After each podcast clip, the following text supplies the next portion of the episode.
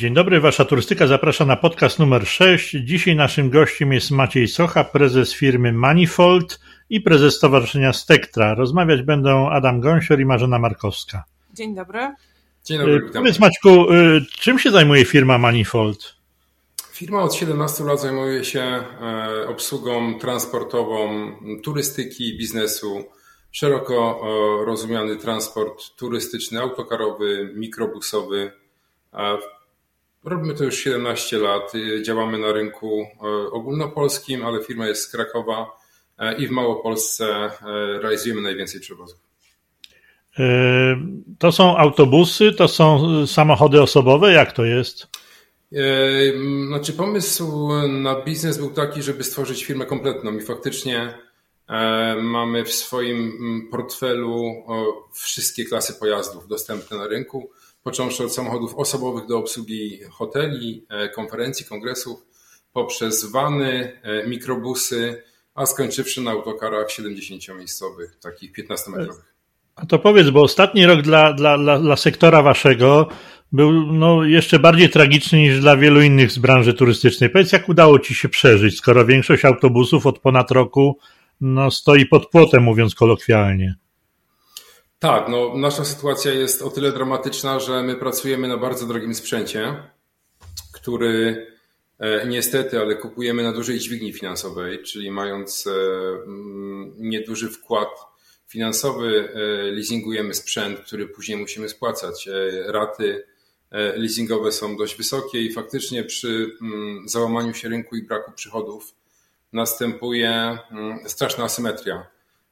No, tak jak większość tego typu firm, korzystaliśmy z tarcz PFR-owskich, korzystaliśmy ze zwolnień, korzystaliśmy z pożyczek płynnościowych, korzystaliśmy z możliwości rolowania umów leasingu.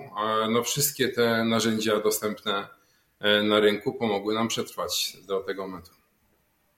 A jeśli chodzi o całą branżę, bo pewnie masz kontakt też z innymi przedsiębiorcami, jak, jak w ogóle porównałbyś kondycję tego rynku sprzed ponad roku, gdy zaczął się cały, no, cały kryzys wywołany epidemią? Jak porównałbyś tamtą sytuację do y, sytuacji rynkowej, którą mamy dzisiaj? Taki trochę krajobraz po bitwie, tak jak napisaliśmy w tytule.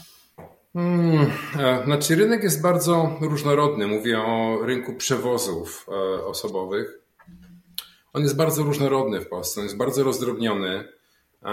Różne firmy mają różne strategie i faktycznie możemy wyodrębnić firmy, które na przykład, tak jak Manifold, raczej pracują na nowym sprzęcie, kładą olbrzymią, olbrzymi nacisk na jakość, kładą olbrzymi nacisk na to, żeby dać jak najwyższą usługę. I te firmy są w bardzo trudnej sytuacji, ponieważ my mamy stałe obciążenia finansowe. Są też firmy, które pracują raczej na starszym sprzęcie, trochę celując w innego klienta. Ich sytuacja też nie jest fajna, natomiast jest zdecydowanie lepsza niż, niż tych, powiedzmy, pionierów.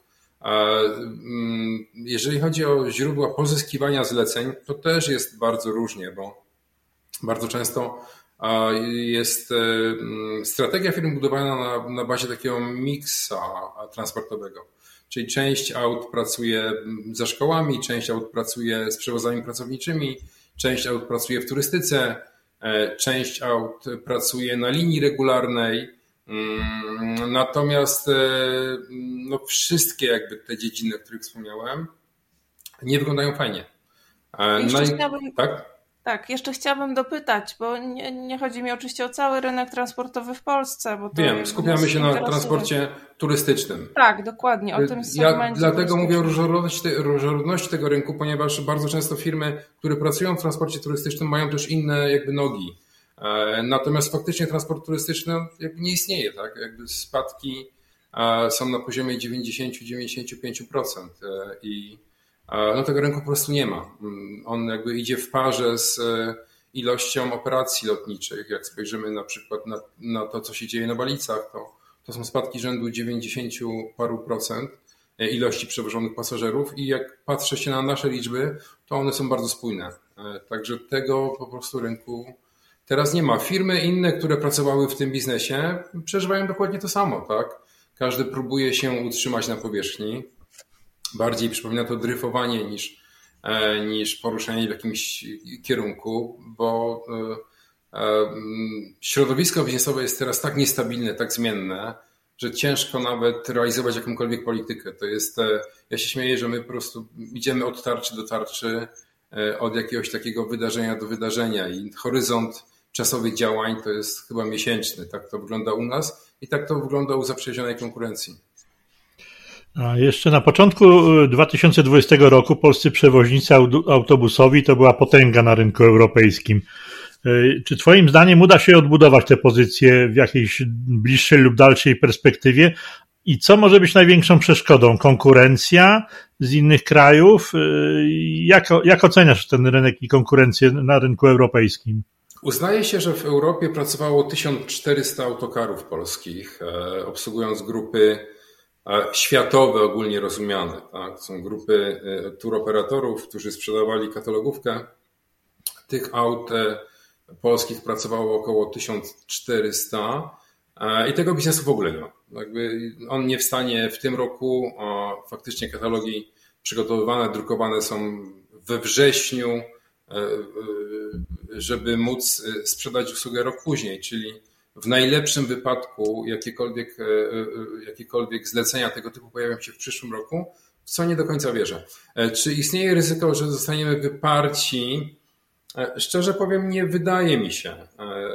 Bardziej obawiam się awersji ogólnie przewoźników do ryzyka biznesowego, że po prostu bardzo dużo osób nie będzie skłonnych kupować nowych aut, nie będzie skłonnych wchodzić w pewne e, ścieżki biznesowe, e, będąc zrażonym po tym, co się wydarzyło. E, I myślę, że to jest ogólnoeuropejskie, że widać taką tendencję w całej Europie. To nie jest tylko tak, że to spotkało nas, Polaków.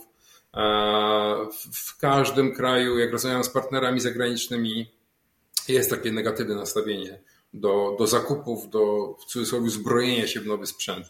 I myślę, że tutaj ta luka, ta luka nie zostanie wypełniona. Myślę, że to my wrócimy e, w ten rynek, tylko nie wiadomo kiedy to nastąpi i ilu z nas wytrzyma do tego momentu. Jeszcze rok temu, na wiosnę mniej więcej, e, słyszałam e, z Waszej branży takie głosy, że tę nierówność konkurencyjną na rynku europejskim może stworzyć jakby sposób zarządzania tym kryzysem przez, przez rząd przez rządy krajów europejskich. I tak, to, to prawda. w jaki sposób e, pomagają w tej chwili utrzymać się tym najlepszym na rynku, e, może po prostu zachwiać tą e, równowagą konkurencyjną. Czy ten scenariusz się sprawdza? No, niestety, ale z przykrością to mówię. Rządy wielu krajów europejskich zauważyły, że nasza, nasza sytuacja jest wyjątkowo zła, że biorąc pod uwagę tę asymetrię, o której mhm. mówiłem, czyli olbrzymi e, bagaż kosztów, e, a równocześnie brak przychodów, e, w wielu krajach europejskich zostały stworzone tarcze branżowe skierowane tylko i wyłącznie do przewoźników. Spektakularna tarcza niemiecka, spektakularna tarcza czeska, ale też, ale też na przykład w Hiszpanii była olbrzymia pomoc przewoźnikom i, i e, no to może spowodować sytuację, w której, e, w której przewoźnicy z tamtych krajów e, wejdą w troszeczkę innej pozycji i innej kondycji w rynek, który by wstawał. Tak, istnieje takie ryzyko. Natomiast no, my też nie zapominajmy, że, że dwie tarcze PFR-owskie też nam trochę pomogły i, i, i te pieniądze też do nas jakoś dotarły. Czyli, e, żeby to było jasne dla wszystkich, e, rządy niektórych krajów stworzyły specjalne programy tak. skierowane tylko i wyłącznie tak. do sektora. Oprócz tych normalnych, które zostały skierowane do wszystkich. Czyli Rozumiem. E, na przykład w Czechach była olbrzymia pomoc dopłaty do każdego miejsca w autobusie, który no, jakby nie pracuje teraz, tak? Czyli ta, ta płatność była co miesiąc Wiesz, Prost, ile wydano mniej więcej? Prosty wzór. Nie, nie chcę kłamać. Z tego, co pamiętam, e, żebym nie skłamał, to było przy autobusie 50-miejscowym, e, takim 12-metrowym, tak zwanym klasyku, to były kwoty na poziomie 10 tysięcy złotych miesięcznie. Taka pomoc, do, dopłata do, do, do stojących aut. Rozumiem, że w Polsce na analogiczne rozwiązania nie mogliście liczyć, tak? Nie, Czy nie, nie, nie. było nie. to skierowanego do. Nie, nie, nie, nie. Jakby. Stricte do waszego segmentu. No nie, jakby my od samego początku walczyliśmy. De facto to myśmy sygnalizowali problem już w styczniu, powiem szczerze.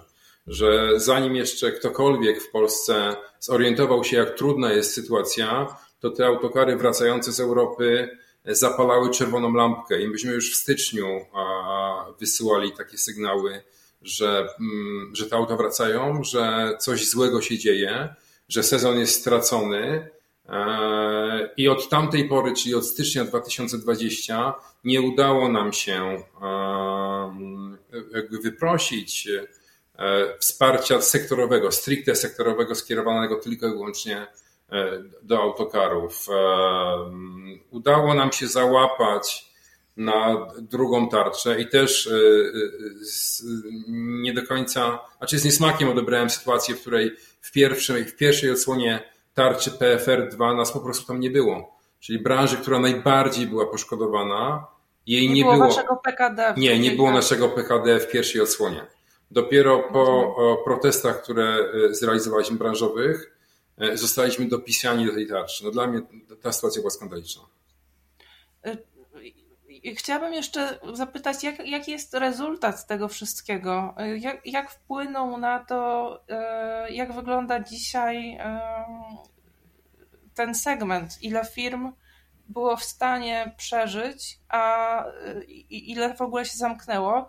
I czy w ogóle opcją było zamknięcie się? Bo też e, to jest działalność obarczona tyloma zobowiązaniami, leasingami, kredytami że często po prostu nawet gdyby ktoś chciał się przebranżowić, to ciężko znaleźć mu taką możliwość. Czy się mylę? No, jakby potencjał firm przewozowych jest, e, jest bardzo wąski, w tym sensie, że mamy autokary, mamy kierowców zawodowych.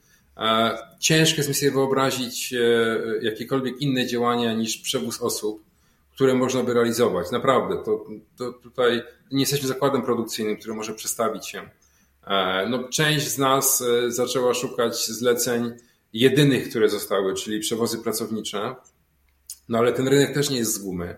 E, te przewozy były poukładane. Trochę aut dodatkowo zostało odesłanych czy oddelegowanych do obsługi takich linii pracowniczych w związku z restrykcjami wypełnienia pojazdów, czyli naturalnym było, że tych aut trzeba było dwa razy więcej. E, natomiast tak jak my w Krakowie, my tu nie mamy dużo przemysłu, nie mamy dużo przewozów pracowniczych. No, w lepszej sytuacji są koledzy, którzy są e, w naturalnym pobliżu magazynów Amazona, który chyba teraz jest jedynym takim największym odbiorcą e, usług przewozowych. No ale tak jak powiedziałem, ten rynek też nie jest z gumy. Rynek jest rozdrobniony. Mamy e, takich firm turystycznych, mamy około 3000 e, i te firmy operują 9 tysiącami autokarów. To jest, to jest płynne, ponieważ tych klas autobusowych jest dość dużo i ciężko jest taką wyznaczyć granicę, który autobus jest turystyczny, a który jest na przykład e, już podmiejski. Tam są kategorie M2, M3. Natomiast uznaje się, że jest jakby 9 tysięcy autokarów, 3000 firm, to łatwo zrozumieć, że mamy około trzy autobusy na jedną firmę. To jest olbrzymie rozdrobnienie rynku. Średni wiek autobusu chyba jest 12 lat takiego turystycznego. To nie są najnowsze sprzęty. E, no i bardzo dużo osób e, w cudzysłowie odstawiło te auta na przysłowiowe cegłówki. Tak? Auta zostały wyrejestrowane, żeby nie płacić ubezpieczenia, żeby nie płacić podatku drogowego. E, wiele z tych firm, czy właścicieli tych małych firm poszło do innej pracy.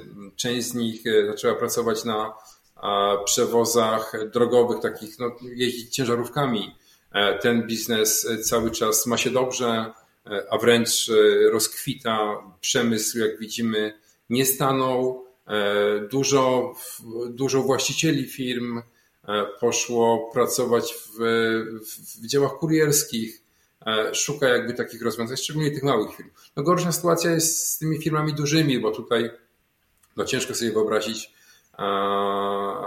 no, żeby się przekwalifikować na, na, na, na kurierkę czy na, na jazdę transporcie typu TIR. No, te, te ograniczenia, znaczy te, te możliwości dla dużych firm są bardzo, bardzo mocno ograniczone. Czy chodzi o zamykanie firm?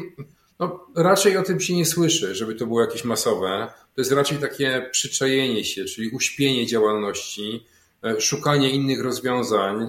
E, no nie zapominajmy też o tym, że bardzo dużo firm skorzystało z rocznego okresu karencji na spłatę leasingu, a szczególnie części, e, części kapitałowej. I ten problem dopiero teraz do nas wraca, czyli te firmy korzystały z tego narzędzia w kwietniu, w maju 2020, czyli teraz e, ten okres 12-miesięczny e, dobiega końca i te problemy dopiero teraz zaczną się pojawiać u nas. Rozumiem. A w jaki sposób można było skorzystać z tego rozwiązania? Y, to, to oferowała e, Agencja Rozwoju? Czy... Nie, nie, nie. To były indywidualne rozwiązania wszystkich e, czy poszczególnych leasingodawców. E, był program, mm, czy, czy były próby podjęcia programu scentralizowanego pod, pod egidą mm, agencji E, rozwoju, natomiast e, ARM-u, natomiast e, ARP, przepraszam. Natomiast no, to nie doszło do skutku. Zainteresowanie zarówno po jednej, jak i po drugiej stronie było bardzo małe. Tam było dużo obostrzeń. To było raczej skierowane do dużych firm. Były, były limity bardzo wysokich obrotów rocznych. No, to, to, to narzędzie się w ogóle nie sprawdziło. Bodajże trzy firmy były zainteresowane czy e, firmy po stronie firm przewozowych były zainteresowane wejściem w projekt. Teraz pojawił się nowy projekt, natomiast jest on dobrowolny ze strony leasingodawców e, i oni też niechętnie do tego wchodzą. Nie ukrywajmy, że leasingodawcy całkiem nieźle zarabiają na tym, na tym kryzysie, bo warunki, które oferują, nie są warunkami samarytańskimi, powiedziałbym. Tak? Oni po prostu na tym zarabiają pieniądze. No ale też y, były obawy w ogóle o kondycję leasingodawców jeszcze rok tak, temu. Tak, to prawda. Jakby te wszystkie e, możliwości, e, które pozostawione zostały w rękach e, leasingodawców, były w trosce o stabilność tego, tego sektora. E, natomiast no, widzimy teraz, że no wiecie Państwo, jakby autobusów globalnie wśród środków transportowych to jest bardzo mały odsetek. To jak spojrzymy na, na to, gdzie e, leasingodawcy e, zarabiają, e, to jak porównamy autobusy do, do chociażby ciągników siodłowych, no to ta dysproporcja jest, jest szalona. Także ta kondycja chyba raczej jest niezachwiana i, i, i ten sektor raczej pozostaje jak na razie teflonowy i odporny na, na ten kryzys. Mówię o sektorze leasingodawców. Mhm, a na ile Twoim zdaniem cofnęliśmy się e, w rozwoju transportu autokarowego? Już, już powiedziałeś trochę o tym, że, że e, firmy wstrzymały zakupy nowych autobusów, tak. ale czy na przykład producenci na ten rok e, zatrzymali badania na przykład nad mniej zanieczyszczającymi środowisko silnikami? Czy to będzie tak, że teraz będzie się liczyły jak najtańsze autobusy? Nie będziemy myśleć o nowoczesności. Jak te inwestycje, na ile te inwestycje, na, na jak długo te inwestycje w waszym transporcie zostały zatrzymane? Mm, ja myślę, że to jest e, trend, który może się odmienić dopiero za jakieś 5 lat. E, place e, są pełne autobusów nowych, niesprzedanych z, z roku 2019. Nie mówię już o 2020. Produkcja została wstrzymana, zakłady produkcyjne produkują raczej autobusy miejskie i, i skupiają się na produkcji autobusów miejskich. Autobusów turystycznych się teraz po prostu nie sprzedaje. E, ciężko jest mi sobie wyobrazić sytuację. Ja na przykład mówię to z mojej perspektywy, ale też zaprzyjaźnionych firm, żeby ktoś poszedł i, i teraz zamówił nowy autobus. To jest e, inwestycja potężna. E, autobus klasyczny 12-metrowy to jest kwota milion złotych netto. O, to jest ten poziom. Mm. No, rynek został zdewastowany. E, on teraz jakby jest cały czas ok, bo mamy jakby te auta, które mieliśmy, które są rok starsze. Tu jakby nie, nie, nie, nastąpiło załamanie. Natomiast na pewno nie nastąpi odświeżanie floty w takim wymiarze, jak to miało do tej pory miejsce. E, po prostu będziemy jeździć coraz starszymi autobusami. Jakie takie... będą konsekwencje tego stanu rzeczy, y, chociażby z punktu widzenia klientów, którzy jednak w końcu będą korzystali z, z tych usług? No, y, na pewno w ekologia, na pewno bezpieczeństwo. Są te dwa parametry, które e, niestety naturalnie są powiązane z, mm, z nowoczesnością, tak? Bo e, nie zapominajmy, że każdy nowszy autobus jest bardziej ekologiczny i bardziej bezpieczny to ta tendencja e, tak globalnie ona jest zawsze utrzymana, tak? E, to nie znaczy, że stare autobusy są niebezpieczne, bo też nie chciałbym, żeby taki komunikat się przebijał, bo to nie jest prawdą, bo autobus, jeżeli jest dobrze eksploatowany e, i, i, i poprawnie o niego dbamy, to on może długie lata służyć i spełniać swoją, swoją rolę.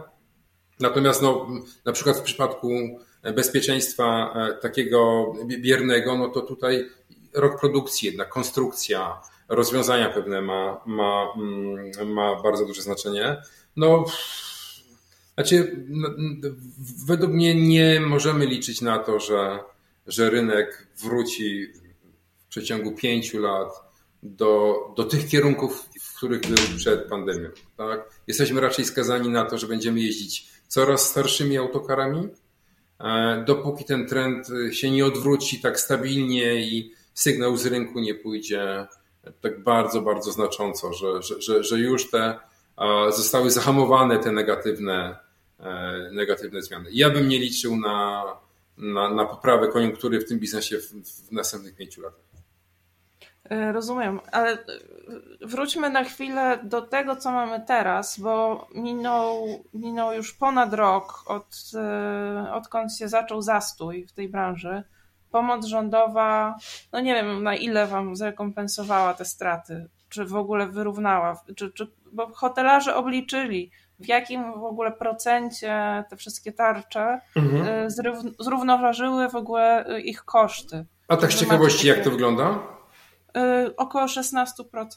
Okej. Okay.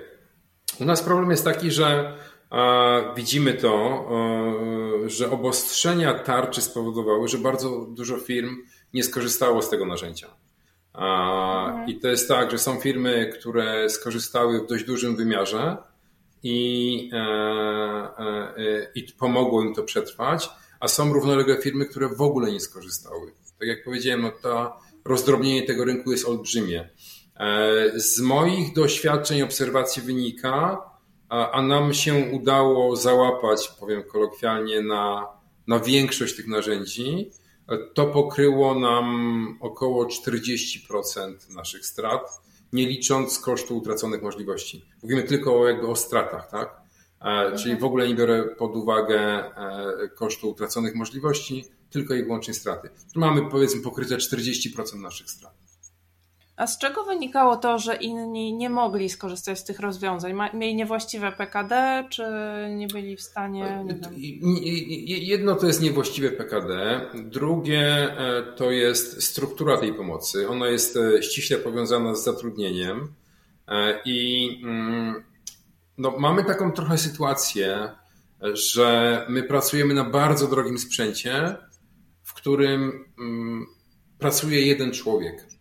No, tak jakby uproszczając ten cały model.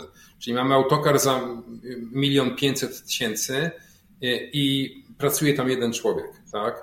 Czyli de facto, jak mamy, nie wiem, jak mamy firmę, e, która ma trzy autokary, najczęściej szef sam jeździ, bardzo często jest ktoś z rodziny, kto pomaga e, i ma, nie wiem, dwóch pracowników. No to teraz, jeżeli sobie tą pomoc policzymy, przemnożymy przez ilość etatów, no to widzimy, że konstrukcja tego narzędzia jest taka, że ta pomoc nie może być wystarczająca. U nas w firmie, myśmy to liczyli, mamy średnio 1,6 etatu na autokar. Tak, tak u nas to wychodzi. Z czego, znaczy nawet nie etatu, tylko 1,6 pracownika powiedziałbym. E, I mamy taki miks pracowników etatowych, pracowników na umowę zlecenie, pracowników na samozatrudnieniu, tak żeby pokryć zapotrzebowanie nasze na kierowców. No i, e, i mówię, przy tak drogim sprzęcie to powoduje, że pomoc, która jest pochodna e, etatu, ale też ograniczona kwotowo na osobę, jest niewystarczająca. No i stąd, stąd ta cała konstrukcja. czy w świetle tego, co powiedziałeś, w ogóle ktoś dostał e, pomoc z PFR-2, bo tam były limity właśnie mm, na pracownika. Tak, tak. No tak, tak. To jakby mm, bardzo dużo firm skorzystało z tego narzędzia, ale też bardzo dużo firm nie skorzystało z tego narzędzia. No to tak, ja, ja osobiście oceniam tą tarczę y, drugą PFR-ową o wiele lepiej e, jako narzędzie pomocowe niż tarczę pierwszą. Tarcza pierwsza to, to było takie trochę helikoptermany, tak? E, bardzo dużo, wszyscy to wiemy, tak, że bardzo dużo pomocy trafiło tam, gdzie nie powinno było trafić. E, no ale no, ja rozumiem, że decyzje były podejmowane w sytuacji napięcia, niestabilności jakby rynku, sytuacji całej nie krytykuję tego, natomiast dużo lepiej oceniam tą tarczę drugą. Ja osobiście. A czy były jeszcze jakieś inne formy pomocy oprócz tej centralnej z, z regionów, z miast? Tak, myśmy mieli które... pomoc regionalną e, w, bodajże w, w kwietniu albo w maju. To były bony takie, część pieniędzy unijnych zostało e, przefarbowanych i za zgodą e, instytucji unijnych e, one mogły trafić do przedsiębiorców z Małopolski. Po prostu przerobiono jeden z programów unijnych na, taką, na taki program pomocowy bardziej. I te pieniądze trafiły też do różnych branż. Tu nie było żadnych jakby ograniczeń PKD, tylko liczyły się obroty, straty, spadki i zatrudnienie. To były te parametry, które były brane pod uwagę. Mhm. E, o waszej branży e, było tak najgłośniej z tych wszystkich branż turystycznych, około turystycznych, no przy okazji oczywiście protestów, czyli, tak.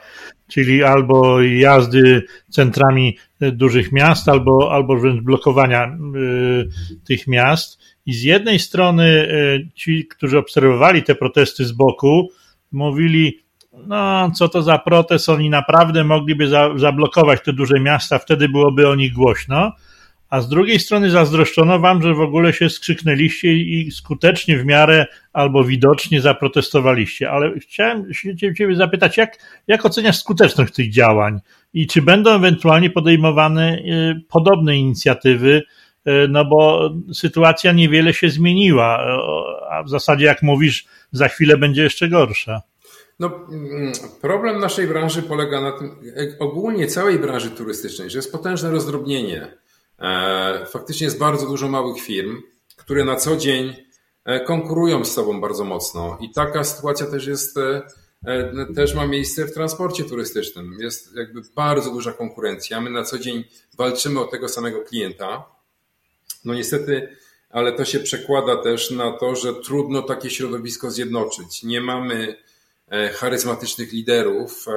Bardzo często mm, takim liderem mógłby być ktoś, kto jest dużym graczem, bo taka jest naturalna jakby droga, a, a jego potrzeby i oczekiwania od rządu są zupełnie różne od potrzeb i oczekiwań tych jakby tej, tej pozostałej części rynku. Także tutaj jest olbrzymi problem, a mimo to udało się nam e, skrzyknąć i udało się nam mm, zrealizować kilka nawet nie manifestacji, ale tak, żeby zasygnalizować swoją obecność i swój problem, bo taki był cel tego. Nie chcieliśmy paraliżować miast, bo nie taka była idea.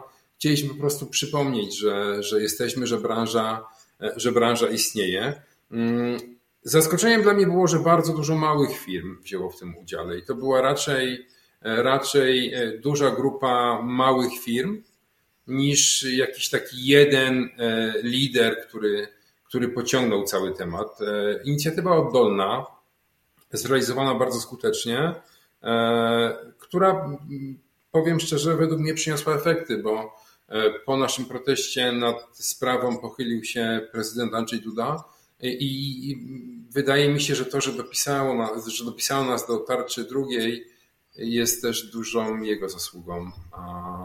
Czy będą takie akcje znowu? Ciężko mi powiedzieć. E, wdarł się w nasze nastroje marazm, powiem szczerze, takie zrezygnowanie. Coraz mniej e, mamy optymizmu. Mimo tego, iż sygnały nie są złe, sygnały z rynku, ze świata, wygląda na to, że e, Anglia już jest po tej jasnej stronie mocy Inne kraje powoli też zaczynają kontrolować to, co się dzieje z pandemią. Także obiektywnie te, te, te sygnały raczej są pozytywne, a mimo to widzę bardzo mało wiary i takiego optymizmu u nas w branży. E, natomiast e, odnośnie tych wcześniejszych protestów, one nastąpiły bardzo szybko. E, I naprawdę, proszę mi wierzyć, to nie było przygotowane, to były godziny, kiedy udało się taki temat zorganizować. Także może być też tym razem podobnie, że z sytuacji, w której ja nie widzę takiego, mm, takiego nastroju czy takiego nastawienia, może się okazać, że bardzo szybko, jak będzie potrzeba, taki, taką akcję uda się zorganizować. A to, co wspomniałeś o tym, że to oddolna inicjatywa i że to raczej y, małe firmy w tym uczestniczyły, to, czy to nie jest sygnał, że być może trzeba rozpocząć rozmowy o tym, żeby stworzyć y, właśnie wspólną reprezentację autobusowego transportu czy może stworzyć stowarzyszenie, bo jesteście rozdrobnieni. To praktycznie przy każdej odpowiedzi podkreślasz, że podobnie jak branża turystyczna w ogóle, wy też tak. transportowcy jesteście rozdrobnieni. Tak. Czy nie warto się skrzyknąć na dłużej, porozmawiać, co was nie tyle dzieli, ale co was łączy i, i bo być może ten COVID nie jest ostatnim za naszego y, tak, życia, nie daj Boże, ale może mogą być inne problemy. Czy nie warto wspólnej priorytacji wystawić? Są dwa duże stowarzyszenia. Jedno, które e, stowarzyszenia takie powiedzmy autobusiarzy, jedno, które pomorskie, które mm, scala w sobie e, dużą ilość firm e, z przewozu, mm, z przewozów takich regularnych, czyli przewozów liniowych i drugie PSPA z Warszawy, które scala bodajże około 60 dużych graczy autobusowych, mm, przewozu turystycznego. Natomiast no to nie jest reprezentacja branży, bo mm, powiem szczerze, ja widzę to tak, że oczekiwania szeroko rozumianej branży są trochę inne niż oczekiwania członków PSPA. I tu ciężko znaleźć wspólny mianownik. E, mówimy o tym od roku. Znaczy, ten faktycznie temat pojawia się w środowisku branżowym od, e, od roku. Nie udało się nikomu z, e, pociągnąć za sobą tłumów, żeby, żeby, żeby to środowisko zjednoczyć. Naprawdę jestem pod wrażeniem tego, że przy tych dwóch protestach, które, które się odbyły, jakoś tak w sposób niescentralizowany udało się to wszystko zorganizować. Było to dla mnie zaskoczenie. Ja obecnie nie widzę potencjału na to, żeby udało się to środowisko zjednoczyć e, w sposób taki zorganizowany. Tak? Naprawdę. Według mnie jest to, na chwilę obecną jest to nieosiągalne. E, a wróćmy do tego, co powiedziałeś, że jest marazm i takie poczucie trochę no, zastoju we wszystkim. I nawet jak rok temu sytuacja była jeszcze nie tak może tragiczna, bo e, te obostrzenia były znoszone wcześniej niż w tym roku, mhm. to te protesty no, miały takie tempo, miały taki wigor, a w tym roku właściwie wszystko ucichło. Jaka, jaka będzie w ogóle przyszłość? Jaki będzie ten sezon dla turystyki zorganizowanej, y, autokarowej? Nie wiem. Naprawdę nie wiem. E, jesteśmy w sytuacji, w której, tak jak powiedziałem na wstępie, Trochę dryfujemy mm, i tak e, żyjemy e, od poniedziałku do wtorku, ja tak to nazywam, czyli patrzymy się, e, co się dzieje i, i odpowiadamy adekwatnie do tej sytuacji. Coraz bardziej skupiając się na innych rzeczach, coraz bardziej szukając innych rozwiązań. No, jakby tak powoli to obumiera, tak? Nie jest to proces zero-jedynkowy Natomiast widać na przestrzeni tych 12 miesięcy, że coraz mniej siły jest o to, żeby walczyć, coraz mniej optymizmu e, w patrzeniu na przyszłość. E, każdy, jeżeli pojawia się u niego jakikolwiek potencjał niezwiązany z transportem turystycznym, to w niego wchodzi i wykorzystuje tą szansę. Czyli e, no, jakby powoli, powoli ta nadzieja obumiera. Ten rynek, dopóki nie wejdzie duża turystyka zorganizowana, no to on jest, ten tort cały czas jest za mały na tą ilość samochodów, którą mamy, tak? Czyli to będzie cały czas wyszarpywanie e, sobie zleceń. To spowodowało dramatyczny spadek stawek transportowych. faktycznie mm, obecnie te stawki są nawet czasami poniżej kosztów zmiennych. Już nie mówię o kosztach w ogóle, poniżej kosztów zmiennych. Mm, jakby firmy jeżdżą już, e, ponieważ te auta i tak muszą być ruszone z bazy. To jest jakby proces, w którym, e, w którym mm, dbając o kondycję techniczną sprzętu, my musimy nim przejeżdżać raz na jakiś czas. No i to jakby też jest brane pod uwagę w tym modelu. I bardzo często firmy jeżdżą poniżej kosztów zmiennych tylko po to, żeby ten sprzęt ruszyć, żeby on, żeby on nie stał. Sytuacja jest naprawdę dramatyczna. Równolegle w zderzeniu z, z, z tym, że wszystko drożeje dookoła, jak słyszymy, jak my z branży słyszymy, że jakąkolwiek usługę się zamawia i wszędzie jest drożej, drożej, drożej, no to, to dla nas jest to zaskoczenie, bo u nas jest taniej, taniej i taniej. Um, nie wiem, znaczy powiem szczerze, e, myślę, że ten rok wcale nie będzie spektakularny dla nas. E, chciałbym, żebyśmy odzyskali 30% e, obrotów w roku 2019 bo to mogłoby wlać trochę optymizmu w nas. Nie liczę e, na, na, na więcej niż 30%. Mówię o całym roku globalnie, tak. Może gdzieś tam pikowo, nie wiem, czy w czerwcu, czy w lipcu wyskoczymy trochę powyżej, powyżej ten poziom, natomiast globalnie jak, jak zrobimy 30% obrotu 2019, to, to według mnie to będzie sukces. Czyli, czyli właściwie y, nastawiasz się na to, żeby y, przekwalifikować się zupełnie, czy jeszcze czekać? Znaczy, no, jeżeli pojawia się jakikolwiek potencjał, który możemy wykorzystać, a każdy, każdy z nas, szefów firm transportowych, ma jakieś kontakty, jakieś umiejętności, tak? I no i to nie jest tak, że robimy tylko to albo potrafimy robić tylko to. I widzę taką tendencję, że każdy, jeżeli ma tylko jakikolwiek potencjał się pojawia na horyzoncie, to po prostu w to wchodzi. Tak samo to się dzieje, tak samo to się dzieje u nas. E, no póki co nie możemy tego zamknąć, ponieważ te auta są nie do spieniężenia w tym momencie. Jakby te, te aktywa są zamrożone. E, no i tak czy inaczej musimy czekać na to, żeby móc je żeby móc je mm, upłynnić. E, no i to trochę jesteśmy zakładnikami tej sytuacji. Natomiast mhm. E, no widać, że e, pracownicy odchodzą, że to wszystko ma mniej wigoru i mniej impetu w sobie. A w świetle tego wszystkiego, co mówisz, rysujesz taki obraz no, dramatyczno-smutny. Powiedz, czy ekologia czy zrównoważony rozwój turystyki i w ogóle transportu będzie się dla kogoś liczył w najbliższych latach, bo Twoje Stowarzyszenie Spektra w tych celach szczytnych y, cały czas ma zapisane duże zwracanie uwagi na zanieczyszczenia, tak. duże zwracanie uwagi na właśnie zrównoważony rozwój nie tylko transportu, ale ogólnie turystyki. Czy to w ogóle będzie miało znaczenie? Większe, mniejsze? Czy klienta to będzie obchodzić jeszcze? Czy będzie patrzył, tak jak mówisz, na stawki godzinowe, a czy będziesz dymił z rury, to już twój problem, a nie jego będzie.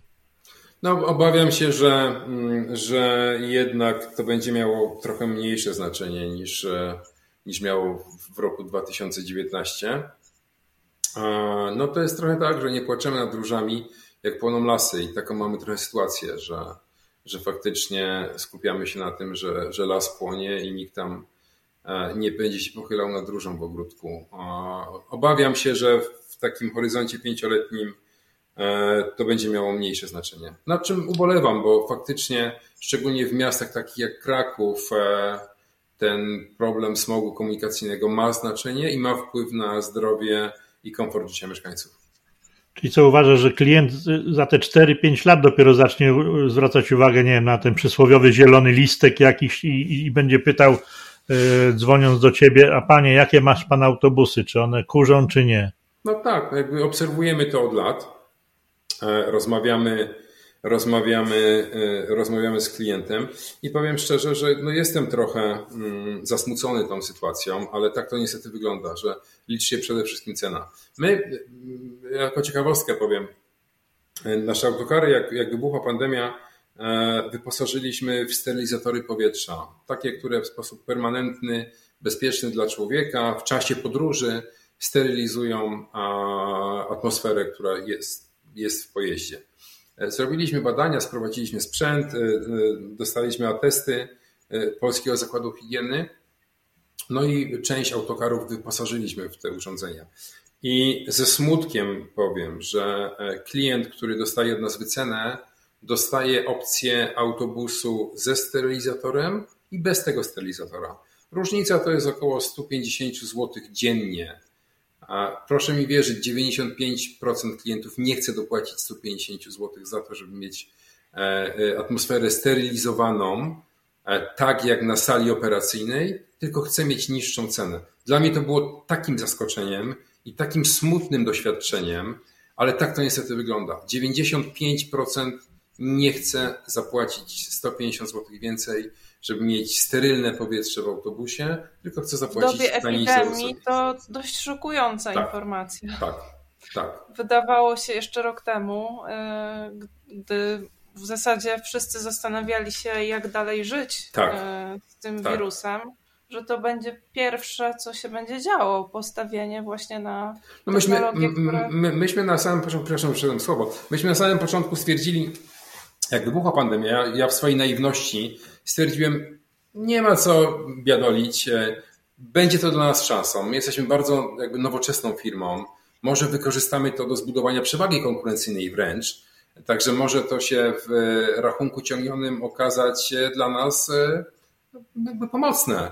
I wykonaliśmy olbrzymią pracę. Wprowadziliśmy swoje, mm, swoje procedury, e, sprowadziliśmy sprzęt, zrobiliśmy swoje badania, atestacje.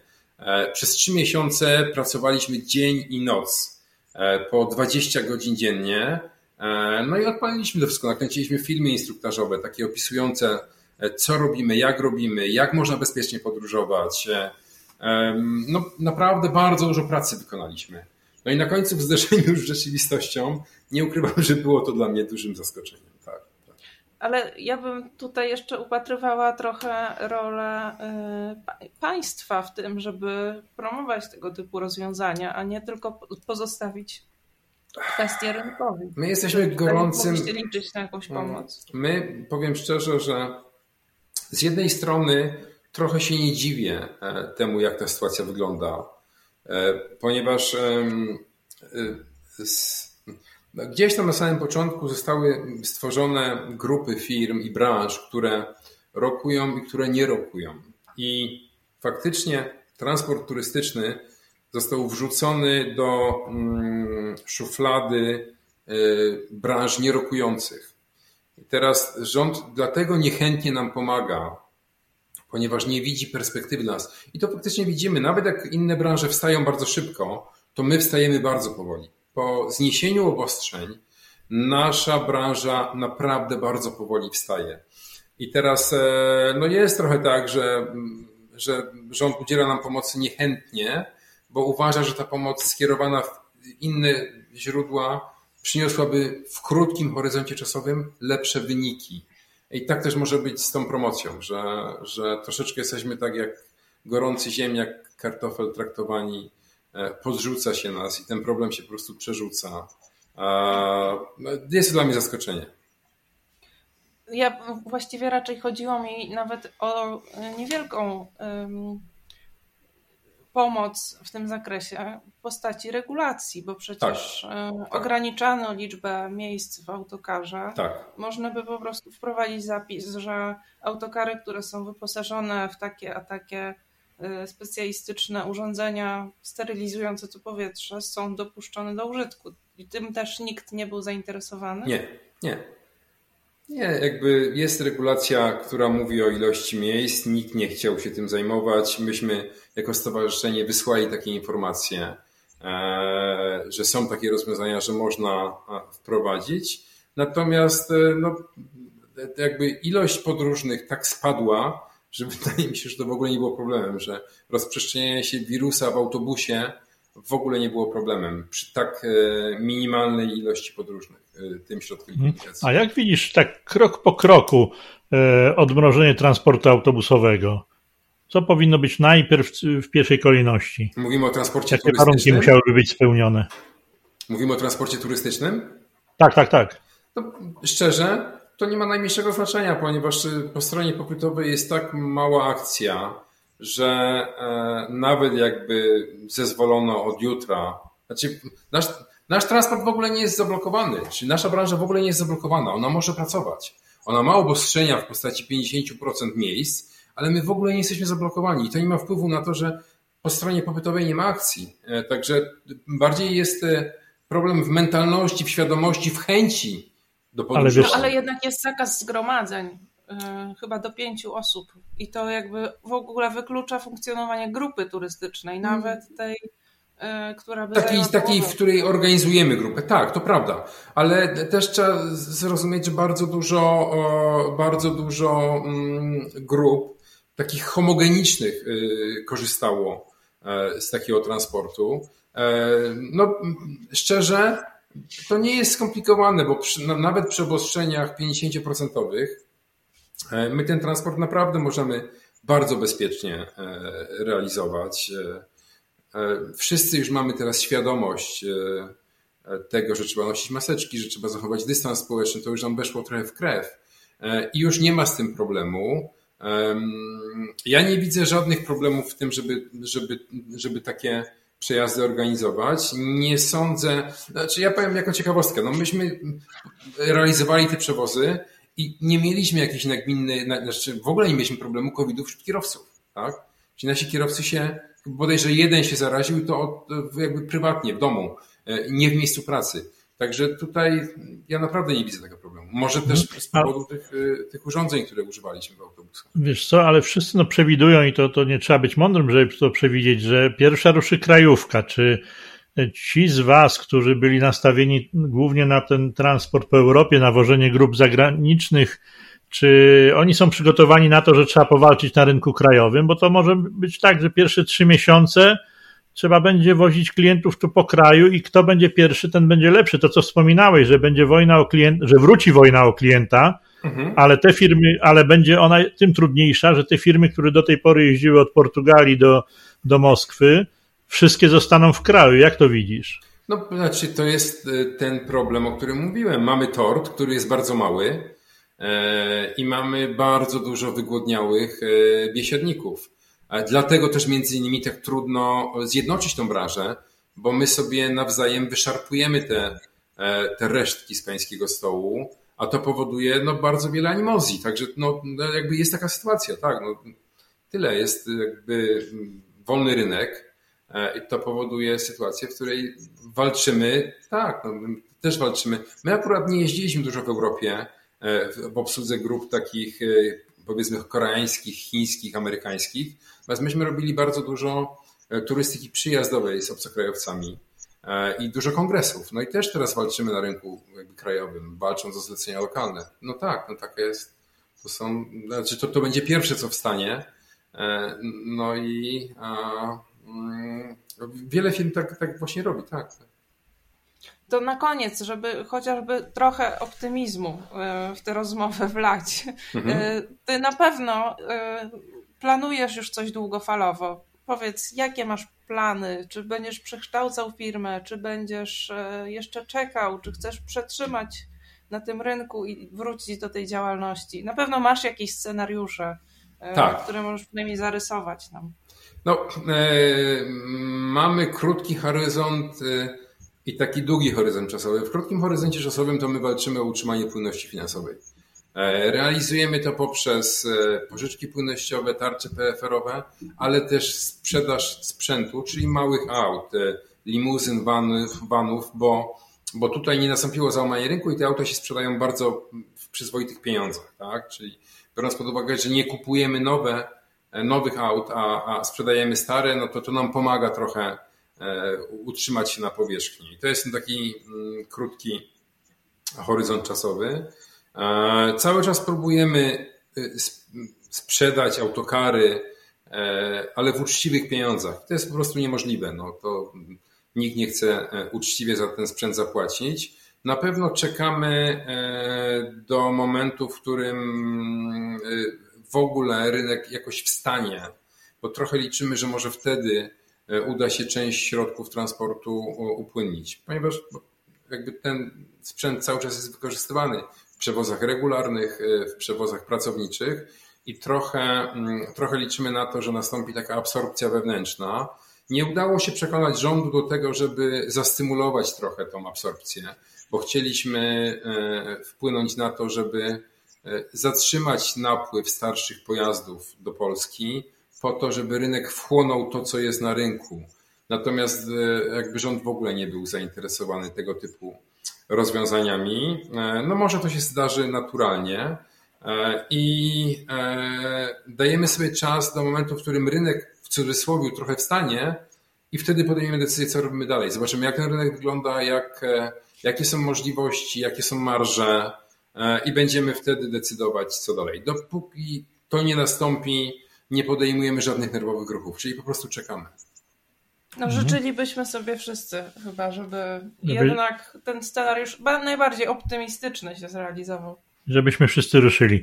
E, proszę Państwa, dziękujemy. Kończymy podcast numer 6 portalu Wasza Turystyka. Naszym gościem był Maciej Socha, prezes Manifold i prezes Stowarzyszenia Spektra. Dziękujemy Ci Maćku. Dziękuję bardzo za uwagę. Podcast prowadzili Adam Gąsior i Marzena Markowska. Na następny podcast zapraszamy już w najbliższy czwartek o godzinie 13. Gościem będzie Andrzej Kobielski, dyrektor handlowy linii lotniczej Enter. A informacje o naszych podcastach oraz również tych archiwalnych znajduje się na stronie waszaturystyka.pl.